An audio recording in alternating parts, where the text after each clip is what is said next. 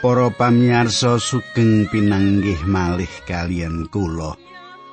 Kados pundi pawartos panjenengan kadang kula wonten ing pepanggihan menika kula suwun panjenengan tansah pinayungan dening Gusti Allah ingkang murbeng jaket mekaten. Kados padatan kula pendeta pujianto badhe sesarengan kalian panjenengan lan kula suwun panjenengan sampun nyawisaken kitab suci panjenengan. Samunika kula badhe nderekaken panjenengan wonten ing Ayub bab 3 nggih, wonten Ayub bab 3. Awit saking menika adicara menika penting kangge kita kangge tuwuhing karohanen kita pramila monggo panjenengan lenggah ingkang sekeca rasah rono rene ngaten nggih. Sugeng midhangetaken adicara margi utami menika.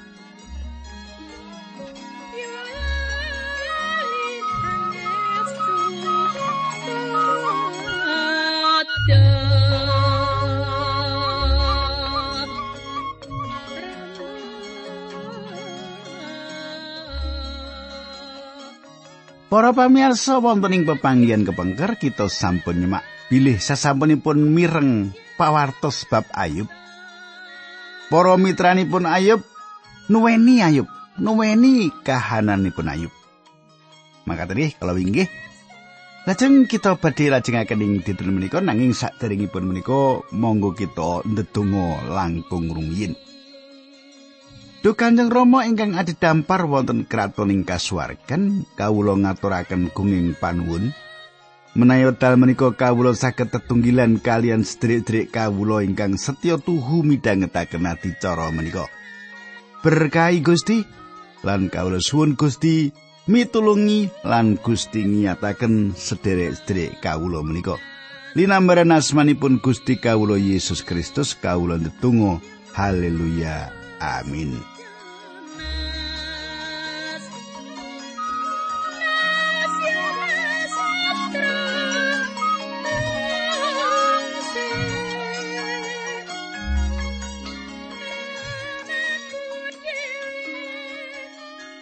Para pamirsa samenika pasinon kita lumebet ing kitab Ayub bab 3. Kita sampun nyemak bilih iblis sampun nantang Gusti Allah lan sanjang. Paduka sampun masang pager ing sakiwa tengenipun Ayub lan sampun ngajar samukawis dumateng piyambakipun. Nanging menawi sedaya menika dipun pendet saking piyambakipun, piyambakipun badhe ngipati-pati paduka ing ngarsanipun paduka. Kadang kula Gusti Allah sampun ngidinaken iblis nyoba nyobi dumateng Ayub. Kita sampun ningali iblis wiwit pendet satunggal mboko satunggal menapa ingkang wonten ing gesangipun Ayub. Sedaya menika tujuanipun saged ngrisak gesangipun Ayub. Gusti Allah ngendika bilih kita sedaya menika dosa. Nanging Gusti Allah maringi panyengkuyung dumateng manungsa ingkang adamel manungsa lenceng lan yektos. Kitab Juru Khotbah pitu ayat 29 nyerat. Nanging perkara siji iki sing ndak temu ya kuwi mengkene. Manungsa kartitahake jujur lan lugu nanging manungsa dhewe gawe pokal pirang-pirang. Gusti Allah cangkung manungsa kanthi pangayoman ingkang andadosaken raos aman. Gusti Allah sampun maringi pitulungan-pitulungan mligi dumateng sedaya manungsa. Panjenenganipun paring jawah dumateng tiang sae lan dumateng tiang awon. Tiang awon nampi sunar srengenge lan hawa ingkang sami supados dipun sedot lan kesadaran ingkang sami saenipun dumateng tiang-tiang pitados kalian tiang-tiang ingkang pitados dumateng tiang Sang Kristus. Iblis saged nggodha kesangipun manungsa, ngerampas kemeloras amanipun manungsa, ngerisak lan jungkir balik kesangipun manungsa, ngerisak moralipun lan ngumbah pikiranipun manungsa. Awit saking menika Gusti Allah sampun mageri manungsa kangge ngusir iblis saking kesangipun. Kala-kala iblis dipun itinaken mlebet ing gesangipun manungsa. Para pamirsa, Kitab menika boten nyukani margi kangge wal, sinaosa wonten usulan jawaban. Perkawis-perkawis wonten ing perangan ngajeng kitab menika lan jawabanipun wonten ing perangan wingking. Kita manggihaken perkawis sing mriki nanging kita kedah ningali perjanjian enggal kangge nampeni jawabanipun. Ing salebetipun kathah perkawis perjanjian lami boten tansah nglegakaken. Boten wonten satunggal kemawon ingkang maringi margi uwat. Wonten tiang meratela akan pilih perjanjian lami. Satunggalipun pengajeng-ajeng. perjanjian enggal satunggalipun kaujudanipun ing salebetipun kitab Ayub pasal tunggalan kalih. Iblis sampun ngumbah utakipun Ayub. Iblis nglukari Ayub saking sedaya pangayomanipun. Kita perlu ningali perkawis menika awit menika badhe mitulungi kita ing wekdal kita lumebet pirembagan ingkang dipun tindakaken Ayub kalian para mitranipun. Ongkos tunggal panjenengan gatosaken. Iblis nglukari Ayub, mlejeti Ayub saking bondo dunyanipun. Salah satunggal kabutuhan pokok manungsa inggih menika bondo dunya. Ing medal panjenengan lan kula dipun lairaken ing jagat menika tiang kedah ngemuli panjenengan kalian rasukan. Selajengipun kita kedah tambah rasukan kita piyambak, kita kedah gadah tetedan lan rasukan lan papan ngaup. Manungsa kedah gadah barang-barang ingkang dipun betahaken piyambakipun. Manungsa betahaken griya. Kitab suci nyariosaken dumateng kita pilih Gusti Allah sampun maringaken dumateng kita sedaya perkawis ingkang saged dipun raosaken kanthi luber-luber. Gusti Allah gadah kekajengan manungsa ngraosaken perkawis-perkawis ingkang sampun dipun cawisaken panjenenganipun ing salebetipun jagat menika. Sinausa ipat-ipat dosa sampun dipun paringaken dumateng jagat menika. Gusti Allah tasih nyawisaken dumateng manungsa setunggal cara ingkang gumunaken. Kadang kula Perkawis jasmani saged dados berkah-berkah kasukman. Bondo donya menika peparingipun Gusti Allah. Mboten wonten ingkang lepat ngedekaken gedung ingkang ageng. Bebayanipun inggih menika menawi kita sumende dumateng bondo donya menika. Sumende sawetahipun kados-kados sadayanipun menika dipun betahaken kangge gesang. Tiang Kristen jaman menika perlu anggegilut Menapa kula langkung pitados lan suminde ing barang-barang utawi kula pitados dumateng Gusti Allah. ayub kecalan samudayanipun saking sugih piyambakipun dados miskin. Angka kali. Gusti Allah ngidinaken iblis mendet tiang-tiang ingkang dipun si ayub. Panjenengan lan kula mbetahaken tiang-tiang ingkang tresnani supados nyengkuyung kita. Kulo gagas kenging menapa Gusti Adamel bayi-bayi nyeng semaken sanget. Inggih menika supados kita saged mangku saged ngrangkul bayi menika, ngekep bayi menika. Inggih menika ingkang dipun petahaken bayi-bayi menika. Kados menapa ngidap-idapipun perkawis menika katang kula. Gusti Allah nyiptakaken kita kados makaten menika. Ing wekdal lari menika tubuh tambah ageng piyambakipun tasih kisah dateng tiang sepipun kangge nampeni katresnan lan raos asih. Selajengipun ngantos dados lare remaja selajengipun anggenipun sumende dumateng tiang sepipun tambah kirang pungkasanipun ing satunggalipun wekdal katresnan menika dipun sukaaken dumateng satunggalipun tiang. Tundonipun katresnan menika dipun terusaken dumateng lare-larenipun nanging kita tansah metaken tiang-tiang ingkang kita sihi. Ayub kecalan sedaya lare-larenipun namung sedinten kemawon. angka 3. Kesarasan satunggalipun bab utami ing salebetipun karaharjanipun manungsa. Lan ing mriki iblis dipun idenaken ngrisak kesarasanipun Ayub menika satunggalipun panandang ingkang awrat atas Ayub. Angka sekawan Selajengipun Ayub kecalan katresnan lan raos asih saking mitranipun. Gusti Allah maringi satunggal rencang ingkang sembodo. Tiang ingkang mitulungi ingkang sembodo ateges sepalih saking badanipun. Tiang ingkang nyukani tanggapan perangan sanes saking badanipun. Gusti Allah sampun nyengkuyung neningkahan kangge karaharjan lan kabejanipun manungsa. Kathah tiang ing satunggalipun perjuangan gesang ing wekdal menika setya lan kiat ngadepi peperangan lan saben dinten nyambut damel sengkut saderengipun wangsul lan ngaso ing rangkulan semahipun ingkang mangertos lan saged ugi nangis sinambi nyanjangaken panggersaipun dumateng semahipun. Kados menapa endahipun? Rak makaten to, Ayub sampun kecalan ras asih lan sih kawelasan saking semahipun. Kaping kangsal. Para mitranipun Ayub nuweni lan sungkawa kalian piyambakipun. Nanging Ayub malah manggihaken para mitra menika namung lelamisan kemawon.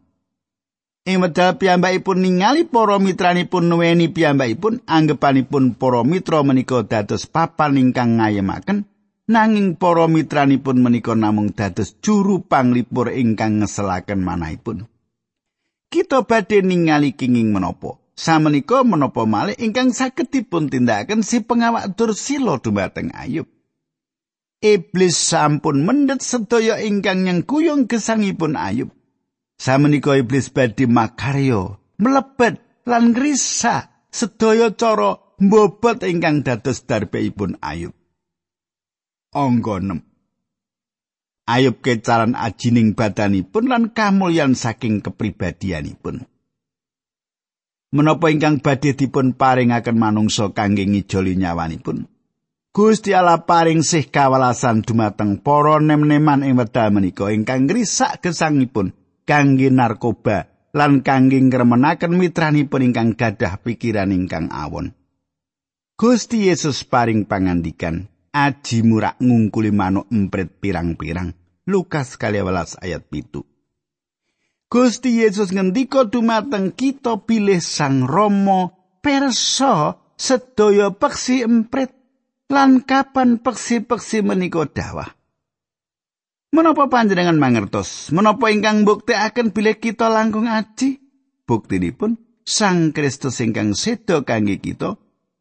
Kita aji awit sampun dipun tebus dening Rah Gusti Yesus Kristus. Emut iblis mudidaya adamel kita kecalan ajining badan lan kecalan kamulyan. Angka pitu. Ayo badhe kecalan raos kaadilanipun dumateng Gusti Allah lan piyambakipun badhe dados juru kritik lan ngremehaken saderengipun sadayanipun rampung. Iwedha sinau kitab menika para pamirsa kita perlu ngrumaosi bilih kitab menika dipun serat kanthi tuntunanipun Sang Roh Suci kados kitab-kitab ingkang sanes nanging mboten sedaya ingkang dipun pratelakaken dening watek wantu menika leres. Menika satunggalipun conto saking menapa ingkang kula kajengaken. Iblis mboten dipun tuntun Sang Roh Suci kangge ngapusi kawa. Wedal piyambakipun janjang ora pisan-pisan kowe mati purwaning dumadi tiga sekawan. Nanging seratan kekayutan anggenipun ngapusi dipun tuntun dening Sang Roh Suci. Wonten tiyang ingkang pitados pilih saben pratelo ingkang dipun panggihaken ing kitab suci menika leres nanging kita perlu ngatosaken kanthi taliti ing salebetipun kitab suci ingkang leres. Nanging kita perlu ngatosaken kanthi saestu sinten ingkang damel pratelo menika. Ing salebetipun kitab ayat kita badhe manggihaken tiang-tiang ingkang meratelaken perkawis-perkawis ingkang boten leres. Angka 8 Ayub ugi badhe kecalan raos asihipun dumateng Gusti Allah. Tiang ingkang sanjang. Lairku tanpa sandangan. Nggonku bakal bali mernoyo mengkono Allah sing maringi Allah sing mundut pinuji asmane pangeran. Ayub setunggal ayat selikur. Tiang ingkang sami ingkang salajengipun ugi kanthi swara matur. Panai kang mau kuwasa nembus dagingku. Wisale sumebaring badanku sekujur. Kasektene Allah ampuhe gegirisi aku diserang kaya carane tentarane mungsuh Ayub 6 ayat sekawan. Selajengipun pasal songo. Kita mireng pambengokipun boten wonten wasit ing antawisipun kula sami ingkang saged dados tepengan kula kekalih. Kita ketampi kak perjanjian inggal kangge manggihaken jawaban atas pambengokipun Ayub menika. Setunggal Timotius kali ayat gangsal. Awit Gusti Allah kuwi siji lan iya siji sing ngrukunake Gusti Allah karo manungsa yaiku Kristus Yesus. Matur nuwun dumateng Gusti Allah bilih panjenengan lan kula gadah priyantun ingkang dados wasit kita, pantoro kita. Kadang kula saestu penting mangertos asal usulipun supados saged mangertos pirembagan ingkang dipun wiwiti ing mriki lan kalajengaken ing pasal tigang dosa pitu. Wonten tiga perangan pirembagan setunggal dening Ayub selajengipun Elifas lan Ayub nyukani jawaban dumateng piyambakipun kalih dening Bildad lan Ayub nyukani jawaban piyambakipun lan tiga dening Sopar lan Ayub nyukani jawaban piyambakipun menika dipun wangsuli ngantos kaping 3 kajawis tunggal sopar mboten nyukani khotbah ingkang kaping 3. Para mitranipun Ayub sampun lenggah sesarengan kalian Ayub sadangunipun pitung dinten. Pungkasanipun Ayub mboten tahan awit kritikan pamaido lan pandakwa para mitranipun kanthi carios kekayutan kaprihatosan lan pengajeng-ajeng pri langkung sae piyambakipun mboten sisah dipun lairaken. Cobi kita waos bab 3 ayat setunggal ngantos gangsal. Ayub banjur sambat nyepatani dino kelairani. Duh Allah. Dinten kelahiran kawula tanpa teges lan dalu nalika ibu wiwit ngandhut kawula mboten wonten ginanipun. Duh Allah. Dinten menika kadadosna peteng kaicalna saking penggali paduka sampun ngantos paduka marengaken pepadang nyunaraken sorotipun. Dinten menika kadadosna peteng dedet kados kubur ingkang peteng kalimputan mendung lan mega katutupana saking sunare surya.